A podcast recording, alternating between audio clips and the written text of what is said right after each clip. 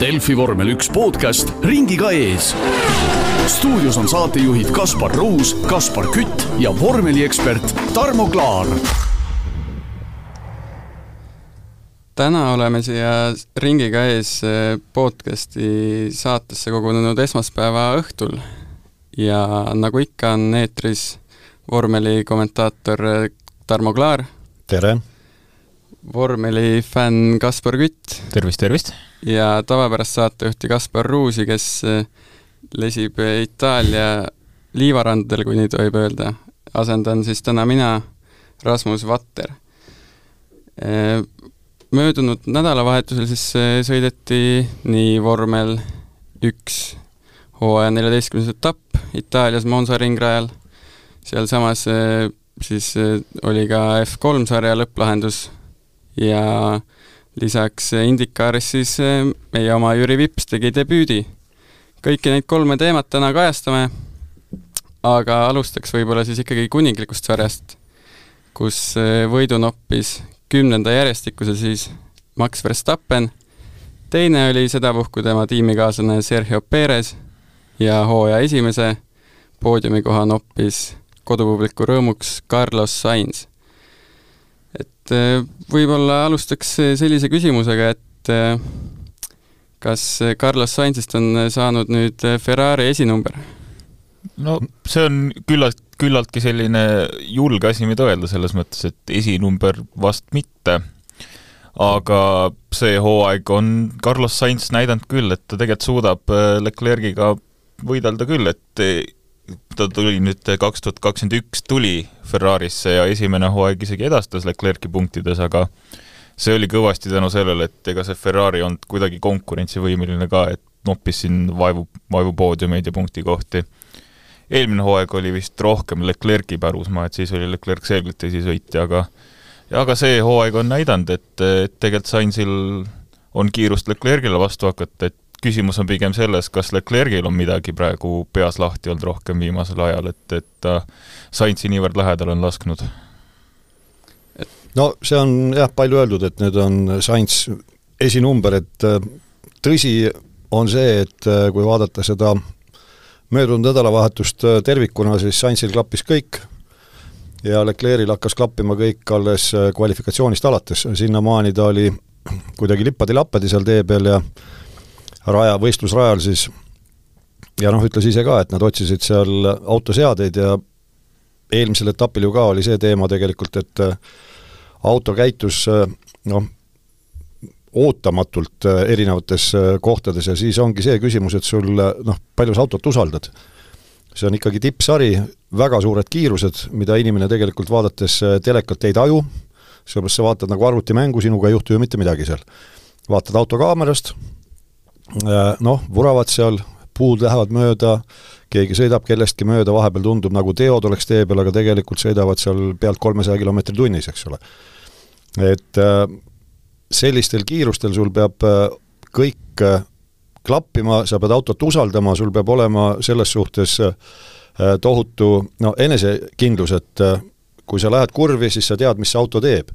kui sa ei tea, mis ta teeb, siis seeläbi ka kiirus langeb, nii et muidugi tegu on lõppkokkuvõttes professionaalidega ja nad on igasuguseid asju läbi elanud, kõikvõimalikke avariisid ja nii edasi. aga sel nädalavahetusel ütleme niimoodi, et äh, minu jaoks üllatuslikult oli pigem siis äh, Sainz kuidagi iseenda ja autoga sina peal terve nädalavahetuse jooksul. Äh, samas kui noh, etteruttavalt minna selle juurde, mis ta seal raadiosides rääkis ja mis ta pärast intervjuus ütles, siis need kaks asja omavahel kuidagi kokku ei läinud, et oli selline tüüpiline vormel üks nutulaulik. noh, nagu oli..., nagu Sainzil eriti kohane. jaa, jaa, kes ja. oli hirmsasti hädas, et noh, laske nüüd lõpuni sõita rahulikult, eks ole, et noh, vaadake, mis ta siin teeb, Leclerc ja noh, vot jumal hoia, tahab must mööda sõita, eks ole, kole lugu. ja siis, kui sõit läbi oli, siis ütleb, et oi, et ikka, ikka ei ole kõva poiss ja aus võitlus oli ja mulle ikka nii meeldib see ja huvitav küll, hetk tagasi üldse ei meeldinud. aga ma saan aru, et sinu arvates siis see tiimikorraldus, et või, või et tiim poleks pidanud jõulisemalt sekkuma sinna võitlusesse? antud juhul, kui, siis ainult sellega, et äh, tooge autod koju. noh, mis iganes teil see kood mm -hmm. fraas siis on, eks ole. sellepärast, et äh, veel kord, võistkonna jaoks on kama kaks, kui oma sõitjad on üksteise taga, siis võistkonna jaoks ei ole mitte mingit vahet, kumb on ees, kumb on taga. Võistkonnapunktid on tähtsad. ei no seda enam ma mõtlen, et tegelikult oleks võinud ju jõulisemalt sekkuda juba varem, et öelda, et ärge siis siin täna no seda... maid välja jagage ja no põhimõtteliselt jah, ja, ja oleks võinud juba seal boksis siis kokku leppida, nagu kunagi nüüd juba võib öelda püha müristus aastakümneid tagasi vist, Miga Häkkinen ja David Coulthard Austraalias leppisid kokku, et kes esimeses kurvis on esimene, noh, see, see ongi esimene, et ei lähe mingisuguseks kabetamiseks ja kabetamiseks läks tookord seetõttu, et noh, kes ei tea, siis nüüd saab teada, et Miga Häkkinen pärast oma üheksakümne viienda aasta ränkavariid oli no ütleme, vaegkuulja, ühest kõrva, kõrvast ta kuulas, kuulis kehvasti ja ta kuulis valesti oma poksimeeskonna äh, raadiosides ühte fraasi, ta arvas, et ta peab boksi tulema, tegelikult teda ei kutsutud boksi ja ta sõitis lihtsalt boksi teelt läbi ja seetõttu kaotas liidripositsiooni ja aumehena Coulthard andis koha tagasi.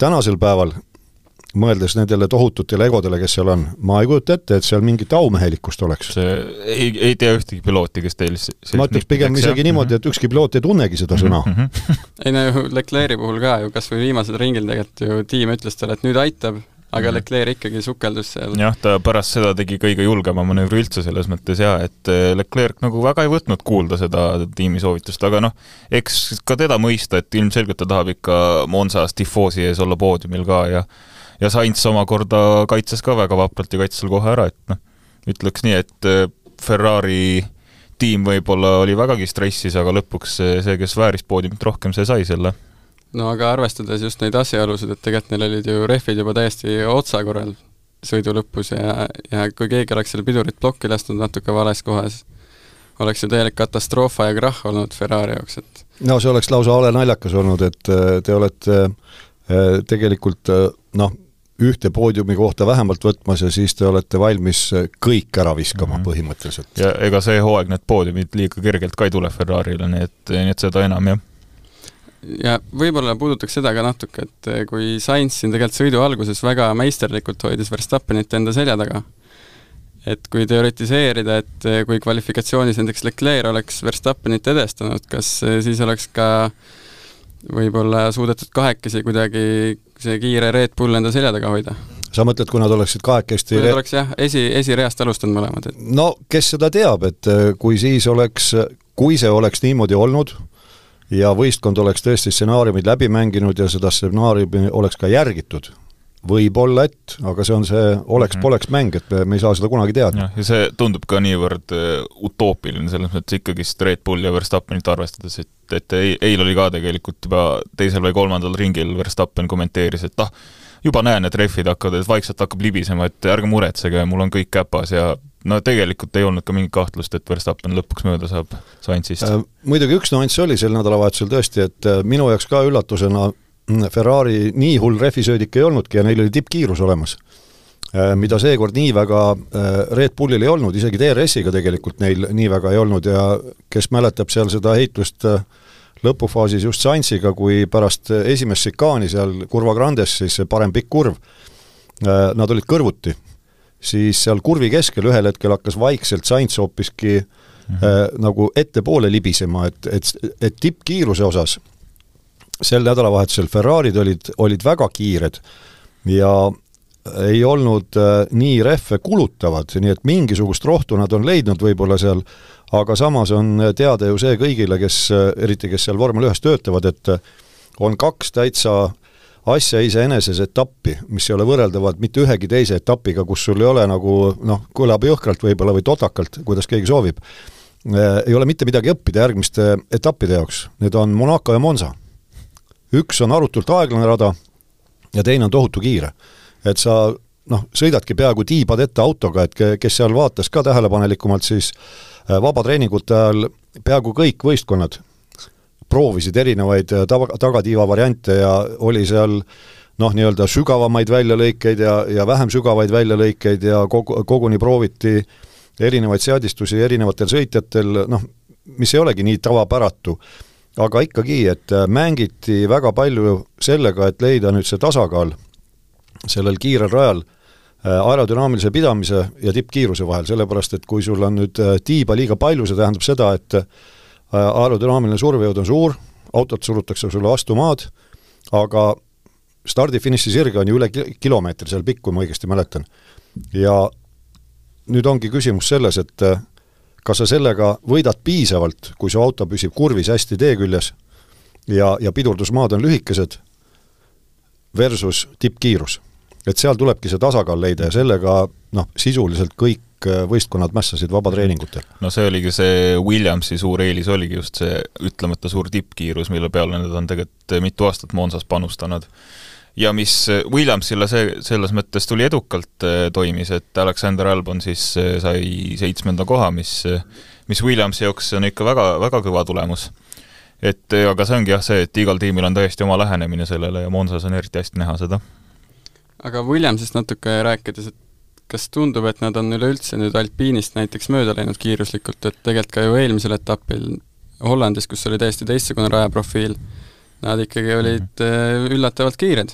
no Alpiini kohta on selles mõttes väga keeruline üldse midagi öelda, tunduvad väga niisugune bipolaarne tiim olevat äh, tulemusi arvestades, et kord on nad siin Aston Martinite kallal või McLarenite kannal ja siis kord on põhimõtteliselt äh, kõige aeglasemad, et nendega võrrelda on väga keeruline, aga Williamsist üldiselt nad on kindlasti ütleme nii, et kõige aeglasem tiim ei ole nad juba enam ammu, et selle koha on vist Alfa, Alfa Tauri ja Haas ja isegi Alfa Romeo on neist, neist tihti tagapool olnud.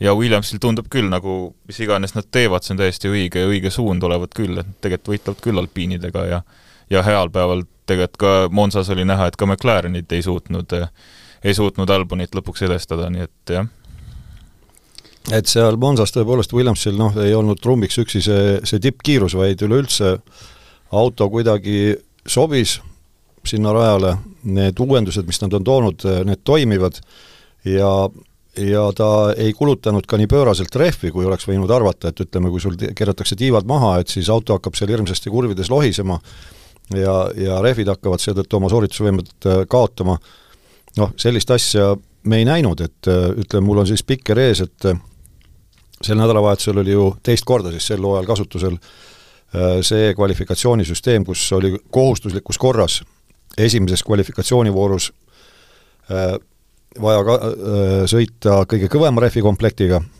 järgmises voorus, kus siis viisteist sõitjat olid edasi pääsenud, oli keskmise kõvadusega rehv ja kümme kiiremat viimases voorus, kolmandas voorus pidid sõitma selle kõige pehmemaga. Ja põhimõtteliselt noh, mul on siin üles märgitud, et esimeses voorus Albon oli teine Verstappeni järel, kaotas null koma null kaheksakümmend kaheksa sekundit ainult. Teises voorus oli Albon viies oma aja poolest ja kaotust oli, palju seal tuli, null koma, no natukene üle null koma kolme sekundi. ja kõige pehmema rehviga oli ta kuues ja kaotust oli null koma neli sekundit kõige kiiremale et selles mõttes noh, nad olid selgelt esikümnes ja, ja kui veel vaadata, siis esimeses voorus tegelikult Logan Sargent oli kuues. et mõlemad Williamsid olid selgelt esikümnes. ja just noh, see on selles mõttes hea võrdlusmoment, et ei saa öelda, et no ja need sõitsid seda tüüpi rehviga ja to-, teised sõitsid teist tüüpi rehviga ja autokaalud olid erinevad, noh, sellist asja seal ei olnud, nii et ütleme, kõva rehvi peal äh, töötas Williams väga, väga hästi ühe ringi peale ja mis puudutab seal seda keskmist rehvi, mis noh, kõva ja keskmine valdavalt ju kasutusel olidki sõidu sees, siis noh, siin Saasient käkkis ise oma sõidu ära, oli ka kole pahane seal see eh, vana paraboolika, nüüd siis Michele Alboreto nimeline kurv eh,, selle ta rikkus ära ja siis ei olnud sirgele tulles enam piisavalt seda algkiirust ja lõppkiirust ammugi mitte. nii et eh, ütleme, noh, nagu ka ülekande ajal sai seal räägitud, et kunagi naerdi, noh kunagi, hooaja algul, kui Monacos seal tõsteti taevasse üks Williams, siis eh, tehti pilte ja naerdi, et püha müristus, et noh, kõhualune on täitsa lage, eks ole.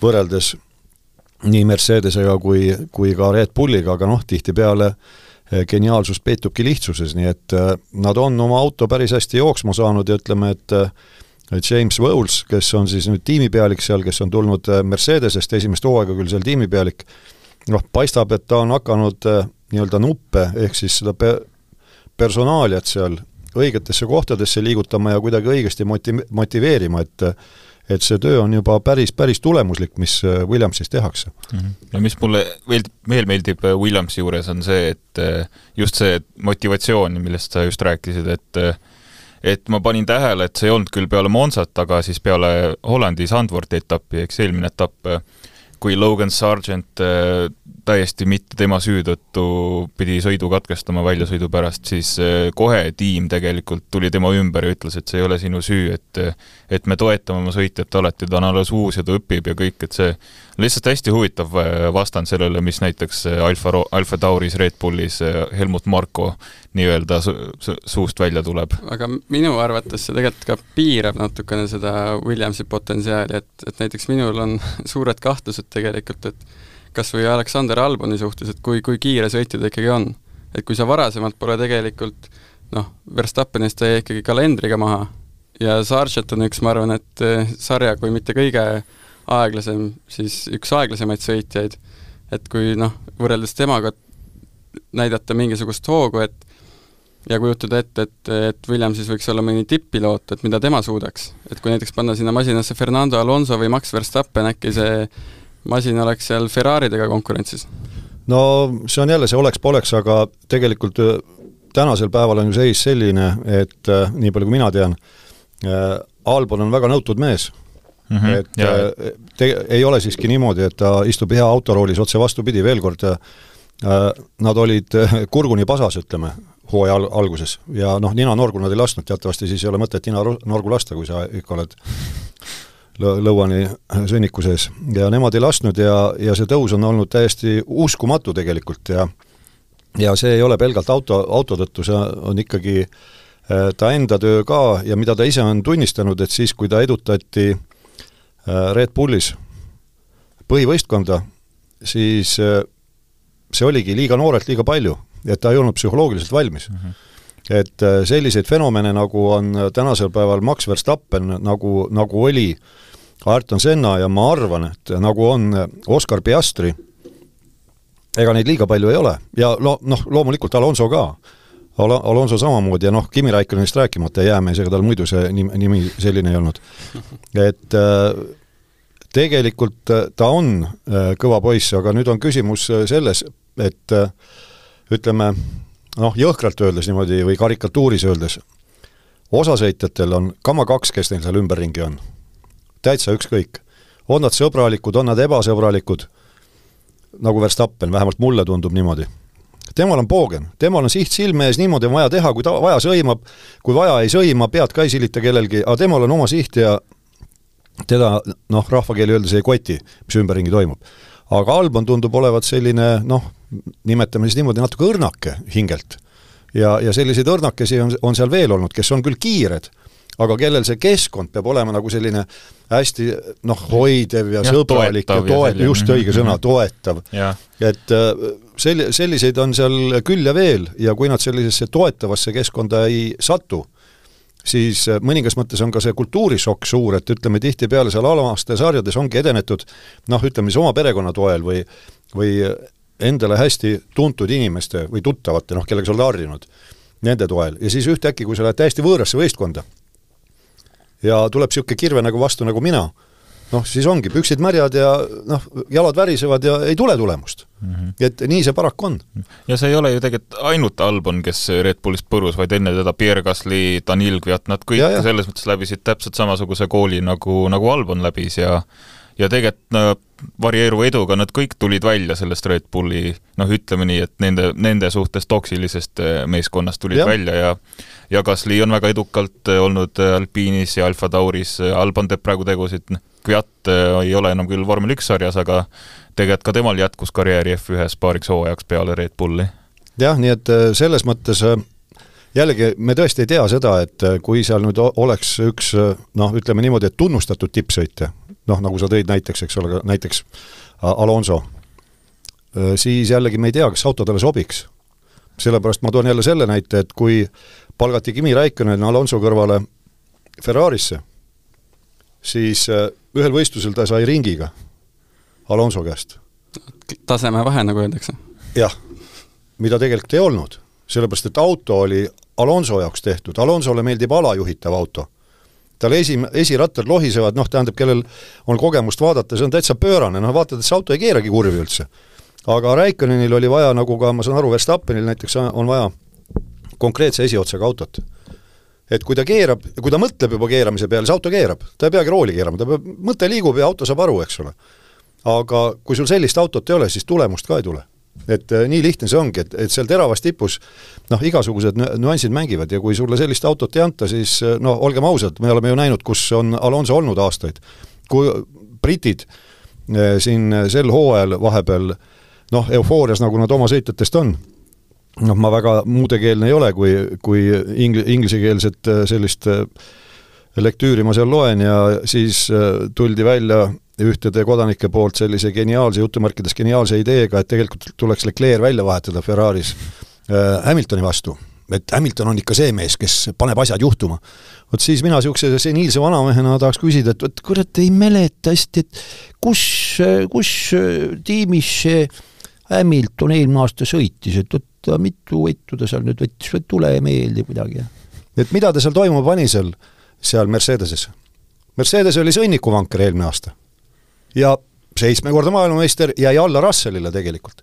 nii et siin on näide, et äh, sa võid olla üliedukas oma karjääris, aga kui sulle ei anta seda autot, mis sulle sobib, siis tulemust ei tule, ükskõik kui palju sul neid tiitleid ennem on. nojah, eks mõned sõitjad muidugi kohanevad autodega paremini ja mõned autod ka on sellised, millega on lihtsam kohaneda, et, et just Williamsi puhul ma mõtlen seda, et et tegelikult see on vist auto, millega on päris lihtne kohaneda, arvestades seda, et eelmine aasta tuli Nick de Vries, kes see hooaeg ei saanud väga millegagi hakkama, ja tuli, nägi ja võitis Monsas, et sai põhimõtteliselt, oli see seitsmes või kaheksas koht, et jah, punkti koha, vist oli kaheksas mm -hmm. jah, et äh, noh, sa, ei, see on sul õigus muidugi, just jälle seesama jutt, mida ma rääkisin, et kui see auto sulle sobib, siis ta sobib ja kui ei sobi, siis on paha lugu. võib-olla mainiks ka korraks Lion Lawsonit veel, et, et tema tegi ka ju tubli sõidu, sai üheteistkümnenda koha ja ja ikkagi paratamatult mõtted liiguvad tema, teda vaadates siis ka Jüri Vipsil, et, et kus, kus võiks eestlane olla? no see on see jälle see oleks-poleks moment jah, et, et mis teha, kahjuks läks niimoodi, et, et Vips F1-te ei saanud eelmine kord, küll me tuleme selle tagasi, selle juurde tagasi ka varsti. aga, aga jah, selles mõttes Lawson on teinud kaks, kaks sõitu nüüd vormel üks sarjas ja ta on oma nina puhtana hoidnud, kui nii-öelda ja üheteistkümnes koht tegelikult ei ole sugugi halb, et eh, vaadates, kui palju punkte üldse Alfa, Alfa Tauri on see hooaeg saanud, neid on vist kokku äkki kolm või neli punkti, siis eh, siis jah, Lawson on väga tublisti alustanud, et eks näis, eh, kui kauaks Ricardo siis väljas on veel, jätkuvalt siis murtud, murtud käega. jah, et no Lawson esimesel etapil võrreldes Tsunodaga oli kuskil oma ringiaegadega ja see oli jälle hea näide, et ilmselgelt poisile, noh, kuna oli teada, et äh, on äh, siis Ricardo piisavalt kaua vä väljas oma vigastusega ja võib-olla on isegi kauem väljas, kui ta ise tahaks, mina olen muidugi suur vandenõuteoreetik, ma, ma ütlen, et räägitagu mis tahes, aga raudselt on ka Jaapani etapil äh, roolis Lawson ja see on igati loogiline, aga esimesel etapil Lawson noh, tegi mis tarvis, sõitis täisdistantsi läbi, sellepärast et tema äh, ei ole ka nii pikka sõitu sõitnud, äh, superformula, mis on see Jaapani tippvormelisari, kus ta sõidab tiitli eest, võitleb praegu, äh, selle sõidud on lühemad, kuskil kakssada viiskümmend kilomeetrit. noh, siin tuleb viiskümmend kilomeetrit otsa ja seda ikka, seda ikka on tegelikult see, mhm. nendel kiirustel, nendel koormustel. ja, ja nüüd ka kvalifikatsioonis ta jäi ju noh, väga vähe alla Tsunodale, nad olid üheteistkümnes, kaheteistkümnes, Tsunoda üheteistkümnes, äh, Lawson kaheteistkümnes ja, ja Lawsonist rääkides, siis hetkeseisuga ma usun, et äh, kui siin Helmut Marko on öelnud, et tegelikult äh, noh, üks koht on ainult kindel seal Red Bulli võistkondade ees, noh, Alfa Tauri sisuliselt on ka Red Bull, see on äh, üks koht on kindel, see on Max, Max Verstappen, et kaasa arvatud Perez, noh, mis on suur, suurt poleemikat jälle tekitanud, Kristjan Orden ütleb, et ei, ei, ei, meil on Perezega on järgmiseks aastaks ka leping ja, ja Helmut Marko ütleb, et et tal on Red Bulliga leping Red Bulliga. nüüd ongi see, et eh, kas järgmine aasta on roolis Tsunoda, on roolis Lawson, on seal roolis Ricciardo, me ei tea, on seal Perez, me ei tea. ja praegu ongi väga hea võimalus, mis noh, saatus mängis kätte Red Bullile, ühte oma farmi kasvandikku panna proovile ja vaadata, et eh, kui kõva vend ta on ja teda on selles mõttes nüüd äh, eks me Vipsist räägime pärast, aga aga teda on praegu selles mõttes äh, väga hea jälle vaadata ja kõrvutada Tsunodaga, et ta ei ole pingil istunud nii-öelda. ta ei ole varumees olnud, kes on ainult äh, simulaatoris nühkinud, kus sa tegelikult igasuguseid G-jõude, kõike seda, mis sul kehale mõjub, ei jäljenda mitte kuidagi. et ta on reaalselt võidu sõitnud sel hooajal, äh, terve hooaja kaasa teinud Jaapanis, nii et lihasmälu, kõik on, kõik on olemas, ta on neid koormuseid saanud, tal on äh, siis sõidukilomeetrid on piisa-, piisavalt tagumiku all ja miks ma sellest Jaapanist räägin, no Jaapanis ta on võistelnud nüüd superformulaga, ta tunneb seda rada. Et äh, see on väga hea koht, kus äh, vaadata, et mis puust vend ta on. nii et äh, terve see kuu siis, see septembri lõpu, see on siis Jaapani etapp, ma olen raudselt kindel, et sinnamaani on, on ta roolis. jah, ilmselt küll jah, sest ega sellisest käevigastusest ju öeldi ka või noh, kui käeluu läks, et, et seal ikkagi taastu-, taastumine võtab kõvasti aega? noh, seal on tippkirurgid, tipp igasugused äh, meedikud on abiks ja noh, äh, nagu Ricardo isegi ütles, et tal on nüüd, kuidas see oli, et äh, metallitööd on natukene käes ja see päris huvitav on et küll seal igasugused abivahendid abiks on ja noh, MotoGP, mis minu esimene armastus tegelikult on, seal ju mitmed sõitjad on suhteliselt kiiresti tulnud tagasi, tõsi, nad on ka näppu lõiganud selle, seeläbi, et on uue vigastuse saanud ja see on palju rängem olnud et äh, noh, nad taastuvad kiiresti, need tippsportlased, aga veel kord, et raudselt Red Bull tahab proovile panna maksimaalselt Lawsoni, et näha, just võrdluses Tsunodaga, kellel on ju mitmendat hooaega, kolmandat hooaega sõidab ta nüüd vormel ühes mm. -hmm. et, et äh, see on selles mõttes hea verstapost, et kui ta nüüd järgnevatel etappidel hakkab selgelt edestama Tsunodat, siis nad on tõesti valiku ees, et keda võtta, keda jätta kui me siin nüüd vahepeal rääkisime sõitjatest, kes õnnestusid, siis üks sõitja, kes vähemalt minu arust nagu esines väga kummaliselt, oli Lewis Hamilton, kes siis eh, põhimõtteliselt lõpetas Oscar Piastri võistluse mm. -hmm. Ja, ja temale määrati näiteks viiesekundiline karistus, Russell sai tunduvalt eh, lahjema asja eest ka viiesekundilise karistuse, et et kui arutada, et eh, kas neid reegleid kuidagi on niivõrd kehvasti reguleeritud, et, et kui sa kellegi sõidu ära lõpetad, saad sama ränga karistuse kui siis, kui sa lihtsalt rada lõikad, et. No näed, nüüd äh, jõuamegi selleni, et sel Briti ajakirjanikul oli õigus, et äh, Hamilton äh, paneb asjad juhtuma Piastri jaoks eriti jah ja,, pani väga palju juhtuma. jaa, see on selline tõsine teema, mis noh, kõigi fännide peas mõlgub, kes noh, sellised sügava puudega on nagu mina, ja, ja, ja võidusõitude peas ka, et äh, need karistused tihtipeale ei ole nii-öelda kooskõlas äh, selle kuriteoga. et äh, täiesti õige, e, et nüüd, mis seal on siis, ma vaatan siis pikri pealt, et Russell sai viis sekundit selle eest, et sõitis noh, põhimõtteliselt raja otseks ja see oli seal esimeses šikaanis vist olukord oli vist see ka, et ta seda rada lõigates sai vist Okoonist mööda, aga siis, kui penalti, nii-öelda penalt välja anti, siis Ocon oli juba niivõrd kaugel, et seal oli mitu autot vahele tulnud, et Russell ei saanud siis niimoodi lihtsalt taga, Oconi jälle mööda lasta. nojah, et kohta tagasi anda. et siis anti lihtsalt see viie sekundi no jaa, aga ikkagi, et ta, mhm. ta ju otseselt teise sõitu täpselt. No, ära ei rikkunud, eks ole. jah, et kas või boksidel kiiruse ületamise eest sa saad juba viis sekundit, et see on võrreldav sellega, kui sa kellegi sõidu ära jah, see on sama teema nagu siin, kas see oli eelviimasel aastal või Raikkonenil oli ka ühtäkki neid äh, trahvipunkte siis palju kogunenud. Ja paar tükki olid selle eest, et näiteks tiim kutsus ta kole hilja boksi ja ta sõitis üle, üle valge joone. noh, nii hilja tuli teavitus, eks ole, ja nii kui öeldi, nii ta keeras ja valge joon jäi rataste alla, selle eest sai trahvipunktid. nüüd keegi sõidab teise räigelt välja, noh nii nagu Hamilton tegelikult võib öelda, tegi, samamoodi saab samad trahvipunktid, vot mis mõttes nagu? et ma löön sinu maha, saan hoiatuse, sa vaatad mulle kurja pilguga otsa, eks ole, saad ka hoiatuse mm. -hmm. mul üks selline küsimus tegelikult on ka tekkinud viimasel ajal, et mis on saanud sellest boksist läbisõidukaristusest? Kas no see, see on täiesti ära kaotatud või ma seda pole nagu tükk aega näinud? minu meelest see reeglites on jätkuvalt kirjas ja samamoodi ei ole ju väga seda seisa-sõida karistust rakendatud mm, -hmm. see kümnesekundilist. sest olgem ausad, noh tänapäeval, kus need sõidud on ülikiired, konkurents on nii tihe, see on ju tegelikult sinu sõidu lõpetamine sisuliselt. no aga kui sa kellegi teise sõidu lõpetad, siis äh, jaa, seda küll, et äh, nüüd ongi küsimus selles, eks ole, et äh, ma saan, ma saan su mõttest aru, et näiteks Hamiltoni puhul, et äkki olekski mõistlik olnud rakendada boksist läbisõidukaristust. no see oleks jah, ta, see oleks ta punktidest välja visanud ja oleks kõik selles mõttes jah, ja õiglane ka, sest Piastriga tegi ta täpselt samamoodi. jah, ta, ütleme selles mõttes, noh, mulle üllatuseks ausalt öelda äh,, äkki kuidagi ärkas üles Hamiltonis aumees ja ta läks ja pärast sõitu vabandas tõesti äh, Piastri ees, ütles, et jaa, minu viga mm. -hmm. puhtalt, et noh, au talle selle eest tubli poiss, jah.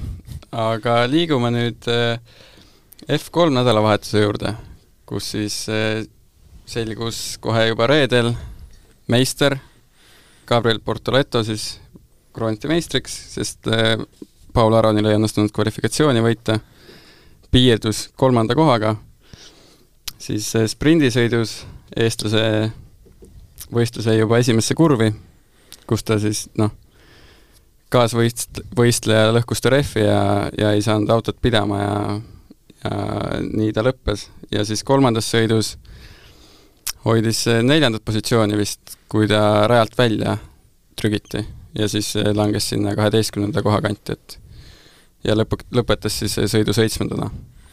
et mida, mida arvata, et sellest Paul Arani viimasest nädalavahetusest? Äh, no ta ise ütles ka, et ta läheb seda nii-öelda peaga sõitma.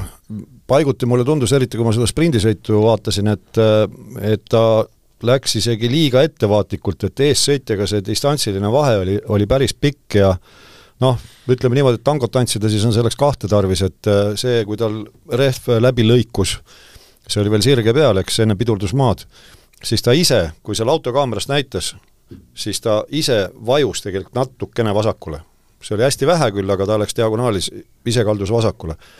ja noh, siis oligi, tagant tuli ja esitiib lõikas tal vasaku tagarehvi läbi ja algul, kui oost, eestvaates näitas seda, siis ma mõtlesin, et joh, Heidi, mis nüüd siis ometi toimub.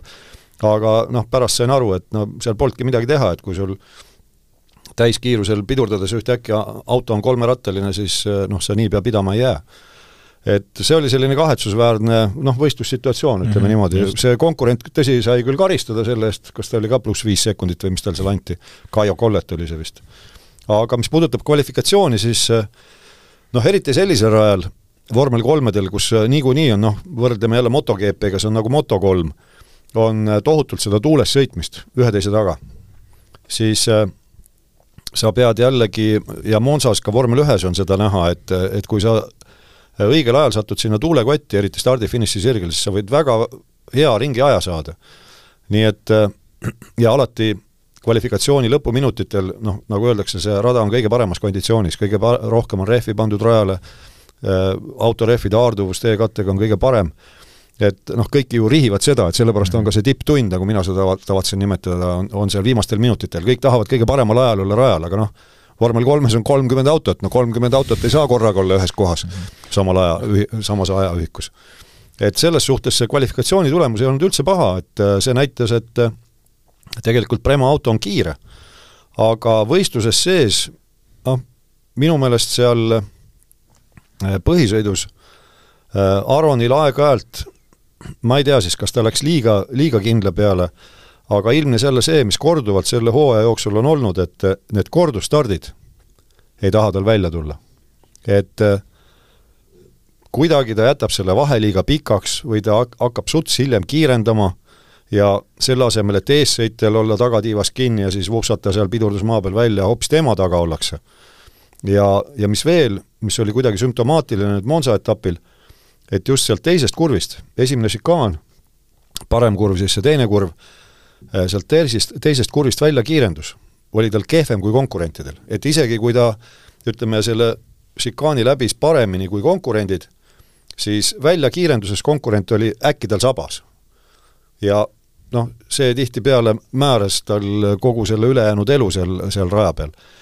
nii et noh, mõningas mõttes oli muidugi vedamist ka, aga öeldakse, et äh, õnn soosibki tugevaid, et ta lõpuks punktiarvestuses ikkagi oli, oli kolmas. Ja see on väga suur asi ja selles mõttes ka, et kui ta juba oli langenud kaheteistkümne, kaheteistkümnest, ta tegi ikka päris mitu sellist ilusat möödasõitu ka, et ta paistis silma ka sellega, et äh, mingisugune enesekindlus tal ikkagist oli autos ka.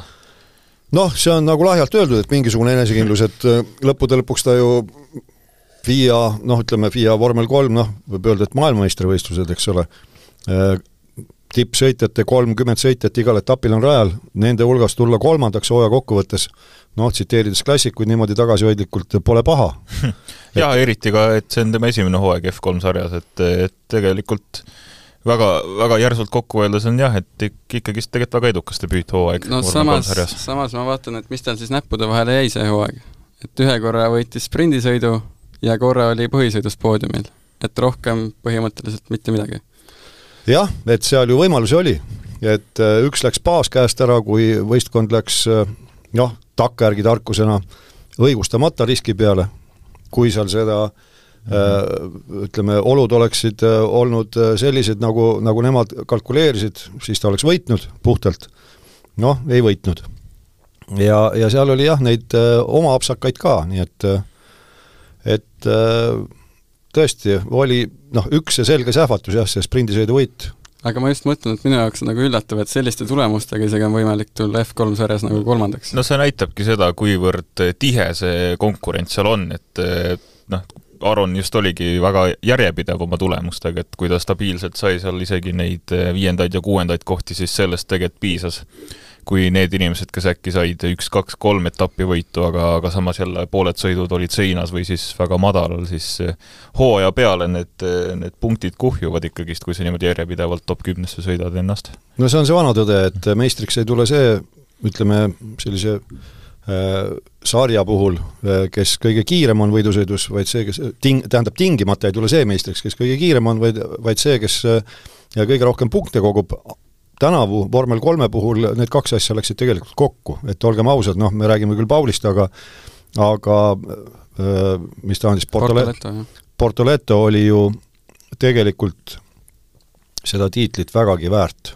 et kui tema sõite vaadata, siis see on tulevikumees, noh, tõsi, see on alles vormel kolm, saab näha, mis ta seal vormel kahes tegema hakkab aga praegu küll paistab, et temas on ainest küll, et vormel üheni jõuda ja seal tiitlite eest võidelda. ja Portoleto puhul ka tegelikult see, et ta ei olnud ka kõige tihedam nii-öelda esikoha saaja, vaid tema samuti, et et suutis, suutis lihtsalt järjepidevalt sõita ja mitte õnnetustesse sattuda liiga tihti. jaa, jaa, aga ta suutis seal sprindisõitudes ka ta-, tagant, kui tal oli kvalifikatsioon hästi õnnestunud, siis seal on ju pööratud järjestus, mis ta on esimese kaheteistkümne osas, jah. ja ta tuli sealt tagant ju ka ette ei, ma vaatangi, et ta on kaks äh, põhisõitu võitnud ja korra siis äh, sprindisõidu mm. -hmm. jah, aga, aga ta oli kogu aeg pildis, et, et selles mõttes ega, ega ka Aron oli pildis. et neid, kes niimoodi noh, mingitel segastel asjaoludel korra poodiumile tulevad, eks neid on läbi aastate olnud, aga küll need tiimipealikud ka vaatavad üldist pilti mm. -hmm. aga mis siis äh, Aronile võiks hooaja kokkuvõttes hindeks panna, et? no mina paneks tubli nelja jah, viiepallisüsteemis on niisugune viiepallisüsteemis, aga mitte kümne. on neli, on neli tegelikult väga hästi öeldud jah, et äh, viie tar-, viie saamiseks ei olekski midagi muud kui maailmameister olla ja ja ega seda ei olekski saanud oota, oodata ka. jah, aga liigume siis äh, nüüd äh, üldse üle lombi Ameerika maale, kus siis esimest korda minu andmetel eestlane osales Indikaris ja no vot või... siin on nüüd niisugune lugu, et, et siin peab ajalugu natukene teadma, et noh, Indikaariks on seda sarja ka varem nimetatud ja, ja siis vahepeal nimetati teda Champkaariks ja siis oli Indy Racing League oli seal kõrval ja kui nad, kui nad seal pooldusid, see toimus, kui õigesti mäletan, üheksakümne kuuendal aastal. et selles mõttes endises tipp Ameerika vormelisarjas on, on ka Tõnis Kasemets sõitnud osa hooajast ja kui õigesti mäletan, kaks tuhat kuus tegi temagi Portlandis oma debüüdi, ta sõitis küll vist kuus etappi ainult kaasa, sellepärast et tal rohkem rahalisi võimalusi ei olnud. Äh, nii et, et selle koha pealt ei pea paika. okei okay,, aga ikkagi lihtsalt täpsustan, et äh, endine Champ Car ehk äh, kart ringrajasari järgis sedasama kontseptsiooni, mida täna on IndyCar, et sõidetakse jällegi teadmiseks neile, kes väga kursis ei ole Ameerika autoringrajasõiduga, et seal ei keerata ainult vasakule IndyCaris et vasakule keeratakse ka, aga kolmandi-, noh, ütleme proportsioon on selline, et kolmandik sõite on ovaalidel, kolmandik on tänavaradadel, kolmandik on ringradadel ja nüüd kaks viimast etappi muuhulgas on siis järjest, oli Portlandi etapp nüüd eile ja, ja nädala lõpus viimane etapp Laguna Secas on ka äh, ringrajal. ja siis see Indy Racing League, mis konkureeriv oli, tema sõitis ainult ovaalidel. okei okay., aga tulles siis Vipsi juurde, temal äh, kvalifikatsioonis jäi näppude vahele kaheksateistkümnes koht ja kuigi ta sõidus alguse stardiga tõusis isegi vist korraks kaheteistkümnendaks või kolmeteistkümnendaks, siis lõpuks pidi leppima kaheksateistkümnenda kohaga. kuigi seal tegelikult oli ka kõvasti ebaõnne, et, et turvaauto tuli täpselt eh, tema ette rajale ja ja seal on sellised huvitavad reeglid, erinevalt vormel ühest, siis sa ei tohi oma ringi vist tagasi võtta, kui ma õigesti aru saan. Seal Indikaaris on jah, need asjad äh, oluliselt teistmoodi, kuni sinnamaani välja, et kes seda sõitu vaatas, et näiteks Roman Grosjean seal, kas see oli kohe esimesel ringil, sattus avariisse, äh, auto äh, sai viga, esivedrustus oli puruks, omal jõul jõudis ta boksi, aga näiteks Indikaari reeglid näevad seda ette, et et kui autoga pukseeritakse boksi ja on võimalik ta korda teha, siis on võimalik sul liituda uuesti võidusõiduga. Ja seda tehakse. Ja Grosjeaniga oli täpselt sama teema. Et seal, ma ei mäleta, mitukümmend ringi tal seda autot seal lapiti kokku, esivedrustus vahetati kõik välja, vasaknurk ja õõtsoovad, ja, ja läkski uuesti rajale ja, ja mis see põhjus on, miks niimoodi tehakse, teema on selles, et äh, Indikaari sari on selline, ütleme siis nii, et pealtvaataja ja inimsõbralik ja sponsorisõbralik sari. ja noh, kõigepealt peab alustama sellest, et äh, kui panna see hierarhia paika maailmas nende vormeliklassidega, siis vormel üks on esikohal, Indikaar on teisel kohal, äh, kolmandal kohal on äh, super, superformula, vormel E ei ole kuskil äh, kolmandal kohal on superformula, siis tuleb vormel kaks ja, ja sealt riburada pidi allapoole. nii et see on tugevuselt teine vormelisari ja Ameerikas on noh, show peale kõik üles ehitatud, eks ole. ja nüüd ka punktisüsteem on selline, et kõik saavad punkte, kõik, kes on ola-, osalenud kvalifikatsioonis, saavad punkte ja kui nüüd kvalifikatsioonis osalenu näiteks ei saa startida mingil põhjusel, no ükskõik, mis see on, tervislik, tehniline, siis äh, ta saab ikka punkte, aga saab pooled punktid selle koha eest, kus ta siis oleks pidanud startima. noh, stardid, äh, või tähendab, noh, siis ta jääks viimaseks, oletame, et kakskümmend seitse sõitjat on rajal, kahekümne seitsmes saab viis punkti ja saab kaks ja pool punkti. nii et äh, miks ta rajale saadeti, äkki keegi katkestab mm -hmm. ja ta jõuab ringidega järgi ja ette ja äkki tal on võimalus rohkem punkte saada, lisaks punktisüsteem on selline siis, et äh, kõige rohkem punkte saab loomulikult võitja, viiskümmend punkti, aga äh, ühe punkti saab äh, kvalifikatsiooni võitja, ühe punkti saab iga võistleja, kes on vähemalt ühe ringi liider olnud, ja kaks punkti saab see võistleja, kes on kõige rohkem ringe liider olnud.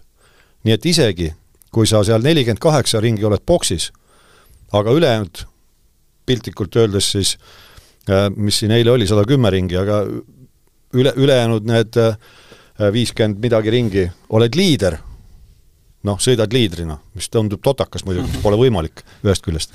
aga ütleme, hea küll, et, et piltlikult, kui sa vähemalt ühe ringi seal sõidad liidrina mingil arusaamatul põhjusel, et sa väga palju pole maha jäänud, sa saad ikka selle ühe punkti juurde et eh, noh, selle nimel see võitlus käib ja teine asi, noh, eh, nende telekompaniidega ka on ilmselgelt kokku lepitud, et sisuliselt kaadris hooaja sõidu jooksul on eh, kõik võistlejad ühel hetkel.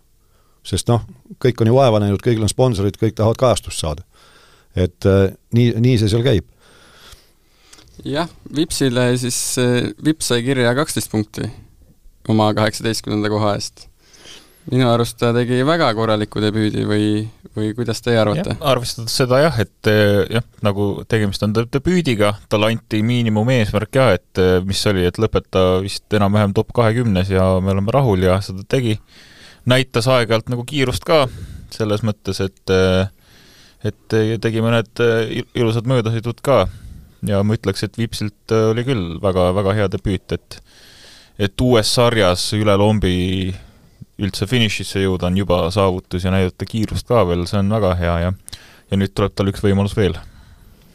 no tegelikult äh, mina ütleks, et äh, Vips tegi üle ootuste hea tulemuse, noh paljud võivad öelda, et noh, mis mõttes nagu kaheksateistkümnes, aga seal stardis oli kakskümmend seitse autot, igal etapil on kakskümmend seitse autot.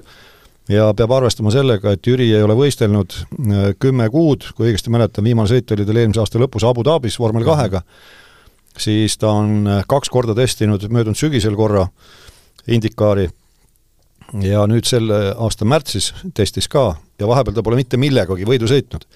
Äh, ilmselt ta seal simulaatoris küll on nühkinud, aga see pole see, sa saad küll ettekujutuse, kus on kurv vasakule, kus on kurv paremale, aga jällegi need äh, raskuskiirendused, asjad, need sulle mitte tsentrifugaaljõud, need ei mõju sulle mitte kuidagi. lisaks Jüri ei ole mitte kunagi jällegi nagu Lawson vormel ühes. Äh, Jüri ei ole mitte kunagi nii pikal võistlusel osalenud. see oli, kas see oli kolmsada nelikümmend seitse kilomeetrit või midagi sellist, et äh, ma tõin seal ülekande ajal näite ka, kui, kuigi oli vormel üks ülekanne, et äh, kujutage ette, kes on Audrus käinud meil Porsche ringil, meie üks ja ainus ringrada Eestis. selle ringi pikkus on kolm tuhat ükssada seitsekümmend meetrit. Portlandis oli kümme meetrit vähem ja seda tuleb läbida sada kümme korda. Äh, rada, mida sa kunagi ei ole oma silmaga näinud, kus sa mitte kunagi ei ole võidu sõitnud ja sellise võimsa autoga, millega sa oled äh, ainult testinud natukene, mõned kümned ringid, äh, see on hoopis teine muusika, kõik see taktikamäng, poksipeatused, noh, muuhulgas, mis Jüril, ma vaatasin, esimene poksipeatus läks kole pikaks ja, ta jäi kaadrist välja just otsustaval momendil seal pi-, pika objektiiviga näidati küll, kuidas seal ühed tähtsad vennad tulid boksist välja parasjagu ja Jüril just oli läinud boksi. Äh, ta sõitis lihtsalt oma sellest äh, mee-, meeskonnast natukene mööda ja seal ta kaotaski mingi kas neli sekundit, aga kuna konkurents on nii tihe, siis ta kukkuski mitu, mitu kohta, siis äh, esimene rehvikomplekt tal tagarehvid ei hakanud korralikult tööle, takkajärgi ta kommenteeris, et noh, ei oskagi öelda, et kas oli enda viga, kogenematus või oli rehvi rõhkudega midagi pahasti aga pärast, kui ta rajal sõitis, siis noh, ma siin võtsin välja ka Jüri need äh, ringiajad, see oli müstika äh,. ta sõitis äh, võistluse suurema osa, noh, kõlab paljudele arusaamatult võib-olla, aga sõitis samas tempos liidritega. ring ringilt kümnendik kümnendikus oli, olid äh, ringiajad, nii et noh, mõne, mõne näite võib tuua sajas ring, ringi aeg üks minut null null koma neli, saja esimene ring, ringi aeg üks null null koma viis, saja teine ring, ringi aeg üks null null koma neli, saja kolmas ring, ringi aeg üks null null koma viis. see on nagu metronoom. ülim stabiilsus, jah. ülim stabiilsus ja ma mõtlesin, et täitsa siiralt, et kuna ta sõitnud ei ole, siis kuidas ta kael kannab ilma naljata, kaelalihased saavad tohutult vatti. aga ma vaatasin, et tal olid pandud need mingid eh, kaela- või peatoed ka. Eh, no need on kõigil, aga temal just, olid jah, just vasakute kurvide jaoks, mis olid need kõige kiiremad, oli tal lisaks pandud, aga mis siis? kui sul kael ei kanna, siis su füüsis on nõrk, sul käed on ühel hetkel nagu makaronid, mis veel tähtis teada, vormel, Indikaari vormelis ei ole roolivõimendust. erinevalt vormel ühest ja, ja vormel kahest et see on hästi füüsiline auto, ta on selline noh, nagu öeldakse, selline baasvõidusõiduauto, kus sul ei ole veojukontrolli, sul on, sul on noh, ehe loom, mida sa pead kantseldama seal.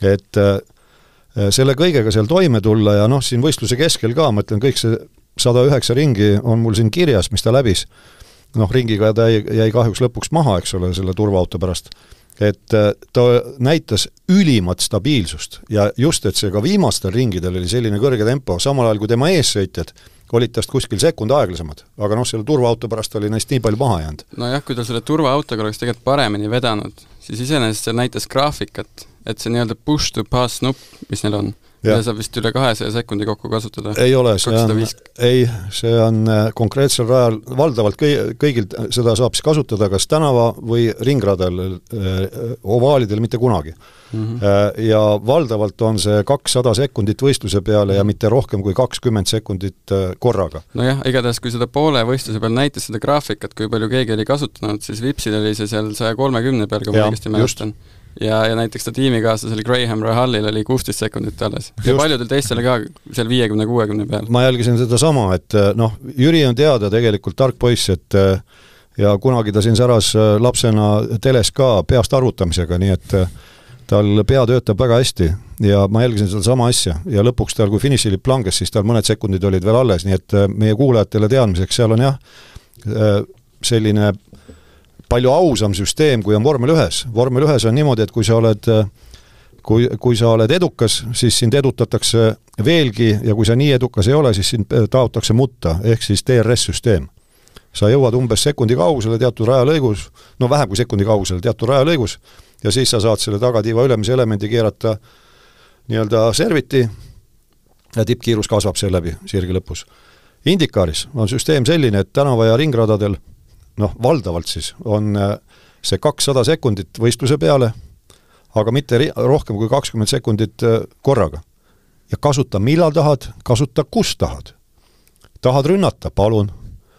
tahad kaitsta oma positsiooni, palun. aga sul on kakssada sekundit. palun, kalkuleeri. teine asi on see, et kas kütust jagub selleks, sellepärast et kui sa kasutad seda lisavõimsust ehk push to pass, nagu ta inglise keeles on, see võtab ju rohkem kütust. kas sul kütust jagub selleks? seda jälle boksis kalkuleeritakse ja noh, võistlusinsener seal või see strateegia jaga, jagab sulle informatsiooni, et millal vajutada, millal mitte, kas sul üldse on veel seda järgi, ja see on ka üks selline lisanüanss, mis äh, tegelikult annab vürtsi sellele sõidule juurde. nojah, aga arvestades just, kui palju Vipsil seda alles oli, siis kui tal oleks turvaautoga tõesti paremini vedanud, seal oli kõvasti tegelikult äh, kohti, mida võita, ma absoluutselt, mina väidan, et oleks lõpetanud seal kuskil kümne piirimail oma võistkonnakaaslaste keskel. ja Graham Rahal ju võitis kvalifikatsioonis, seesama näide, mis sa tõid, ta on ju ülikogenud vend, ta on kolmekümne nelja aastane, ta on mitu etappi võitnud, noh küll mitte nii palju, kui võiks arvata, kas ta poisikesena tegelikult hakkas juba sõitma Indikaaris, mitte küll oma isa tiimis, ta isa, Graham Rahal on siis äh, endine Indikaari meister, kaheksakümne kuuendal aastal tuli nii meistriks, ta üldse, ta on kolmekordne meister, aga siis ta tuli nii meistriks, kui võitis ka Indi viiesaja. ja seal on ka oma taust, miks äh, Jüri Vips on just nimelt Reihali tiimis muide. ja noh, mina seda tausta tean, äh, ma arvan, et mõni inimene võib äh, noh, salamisi muiata mu peale, et noh, Klaar on hulluks läinud, aga mina väidan, et see, et Jüri Vips on Reihali tiimis, on väga suures osas ei kellegi teise kui Adrian Newey tee-, teene. ja millal põhjal ma seda väidan? ma ei tea, kas teie vaatasite seda pressikonverentsi, mis andsid Graham Reihal ja ja Jüri Vips ennem sõitu? ei vaadanud. no vot, ma siin Lõusta raamatus jagasin ka seda oma, oma kodulehel. et äh, äh, Graham Reihal kordas, kordas mitu korda, et ta konsulteeris oma sõpradega Euroopas, kes on tihedalt, oma väga hea äh, sõbraga Euroopas, kes on tihedalt äh, töötanud koos Vipsiga. nüüd paljud seda ei tea mulle üllatuseks isegi inimesed, kellega ma olen suhelnud ja kes väga tähelepanelikult jälgivad nii Ameerika võidusõitu kui Euroopa oma, paljud seda ei tea, et äh, aasta oli tuhat üheksasada kaheksakümmend viis, kui Adrian Newey oli Graham Rahali võistlusinsener. Adrian, Adrian Newey alustas oma karjääri äh, tollasest, noh, siis ka nimetati ta tegelikult Indikaariks. Äh, Adrian Newey konstrueeritud Machiga tuli Graham Rahal Indy viiesaja võitjaks kaheksakümne kuuendal aastal ja võitis kogu sarja. ja nad on sellest hetkest, kui Newey temaga koos töötas, nad on väga, väga head sõbrad ja kui Graham Rahal sai siin kahe tuhandendate algul äh, Jaagori võistkonna, äh, vormel üks võistkonna pealikuks lühikeseks ajaks, siis ta tahtis äh, värvata McLarenist Adrian Newey peakonstruktoriks. aga see läks luhta, sellepärast et noh, Ron Dennis suutis suutis ära rääkida kuidagi Adrian Newey ja noh, tegelikult muidugi omakasupüüdlikult, aga seal oli tõetera ka sees, et äh, Jaagor tol ajal kuulus Fordi kontserni ja seal noh, kes on vaadanud seda Le Mani filmi, kus Ferrari ja Ford omavahel võitlesid, siis need äh, kindlasti saavad aru, et noh, seal natukene oli utreeritud küll, aga palju oli ka tõtt, et äh, sellised kontsernid, nende juhtimine on selline tule eile meile. ja seal käis tõsine võimu, võimuvõitlus ja Bobby Reihalil see karjäär vormel üks tiimipealikuna jäi lühikeseks ja oligi õige otsus Newil, et ta ei liitunud tookord, aga sõpradeks nad jäid ikka mm. -hmm. ja kui Jüri oli nüüd äh, Red Bulli äh, esimene varusõitja, siis äh, kahe tuhande kahekümne esimese aasta tiitel muuhulgas on, on ka muuhulgas tänu Jürile, sellepärast et Jüri oli see, kes istus simulaatoris ja otsis seadistusi ja nii palju, kui mina tean, siis tema seadistused sobivad väga hästi Äh, Verstappenile. siis, kui see minu jaoks jutumärkide skandaal lahvatas, siis kes esimesena teda kaitsma hakkasid? Max Verstappen ja, ja Lando Norris. ja veel oli seal hulk sõitjaid, üks äh, Araabia päritolu äh, Suurbritannia sõitja ütles kohe, et millest te räägite, Jüri ei ole selline, kelleks te teda maalite. ja kes seda äh, Bobby Reihali ja Jüri Vipsi intervjuud vaatasid, siis äh, ma soovitan või ei ole vaadanud, vaadake tähelepanelikult, seal on üks väga huvitav fraas, mis ta ütleb, nii et ei ole Reihal rumal mees, ta saab väga hästi aru, mis selle taga tegelikult oli. et äh, Jüri, Jüriga läks nii, nagu läks. ei no see ikka tegelikult on jah, Vipsi kohta näitab ka kvaliteedimärk, et, et tegelikult väga lihtne on sellises äh, kohas lihtsalt ta täiesti kõrvale heita. et see... see näitab seda, et sul ei ole sõpru. no see, kui sa ole-, see, tähendab, ma täpsustan, kui sa oled ükskõik millise vormel üks võistkonna programmis siis need tüübid, kellega sa koos seal programmis oled, need ei ole su sõbrad. Need on kõik kõrilõikajad. sellepärast, et maailmas on kakskümmend vormel üks kohta, maailmas, rõhutan. ja sõitjaid on miljoneid, kes sinnapoole ihalevad nii et äh, ei no seda, seda ma mõtlengi, et väga lihtne oleks olnud lihtsalt jätta vips kuskile diivanile lõsutama, aga järelikult tal ikkagi on see miski olemas, et no absoluutselt, üks asi, teine asi, et äh, arvestades sellega, noh, ei hakka seda sõna kasutama, eks ole, mis ta, mis ta seal äh, kasutas, tähendab, milleks on Bobby Reihalil niisugust jama endale vaja, sellest solgipange omale kaela tõmmata? noh, ma rohkem ei räägi midagi, mõelge. Ukse taga on järjekord Reihali tiimil ka. ja millegipärast ta valis vot sellise probleemse noorme, jutumärkides probleemse noorme jah, ja kui vaadata, et seal sarjas sõidavad ka Lundgaardid ja Armstrongid ja kes iganes, et ma räägin, seal on järjekord on ukse taga, vormel kaks sõitjatest on järjekord ukse taga. no ongi, keda Vips kunagi tegelikult iseenesest nagu loputas, nii et noh. Nii et lühidalt äh, see, millega Jüri hakkama sai praegu, äh, mind üllatas väga positiivselt just selles osas, et ma ei kahtle tema kiiruses, pole kunagi kahelnud, ma olen ka kommenteerinud kaardivõistlusi, kus ta on siin Eestis sõitnud ja võitnud. ja tema, temaga ise ka siin Audru ringraja ääreski põgusalt rääkinud, noh, kui ta ka pealtvaataja oli. väga tore, väga intelligentne, selline noh, väga tore inimene. et äh, ta, ta on väga hästi kohanenud ja just see, et ta ei ole kümme kuud võidu sõitnud ja, ja tulla tundmatul rajal ikkagi enda jaoks vähetuntud autoga ja nii pikk distants läbida, vaadates neid ringiaegu sellises tempos, see oli müstika, ma usun, et võistkond, noh, eks takkajärgi saame seda ehk kuulda ka, võistkond oli temaga ilmselt väga rahul, sellepärast ta ei sattunud ka mingitesse jamadesse ja ta ei korraldanud mingeid jamasid seal võistluse käigus. Et nojah, järgmine etapp nüüd äh, Laguna Seca ringrajal, mis noh, teoreetiliselt võiks võib-olla Vipsile kuidagi tuttavam olla kuskilt äh, kas või ma ei tea, automängudest nii-öelda või? ei, seda muidugi, eks neist simulaatori ütleme, sõitudest on need rajad kõik tuttavad neile. aga, aga teema on just selles, et sa ei ole reaalselt sõitnud seal. jah, aga ma arvan, et äh, sellega võib ka joone alla tõmmata saatele, et kahe nädala pärast siis järgmine vormel üks etapp eh, Singapuris, ilmselt siis ka uus Ringiga ees episood, kui kõik terved on. Ja meie, mina omalt poolt tänan. kõike head! nägemist! Delfi vormel üks podcast Ringiga ees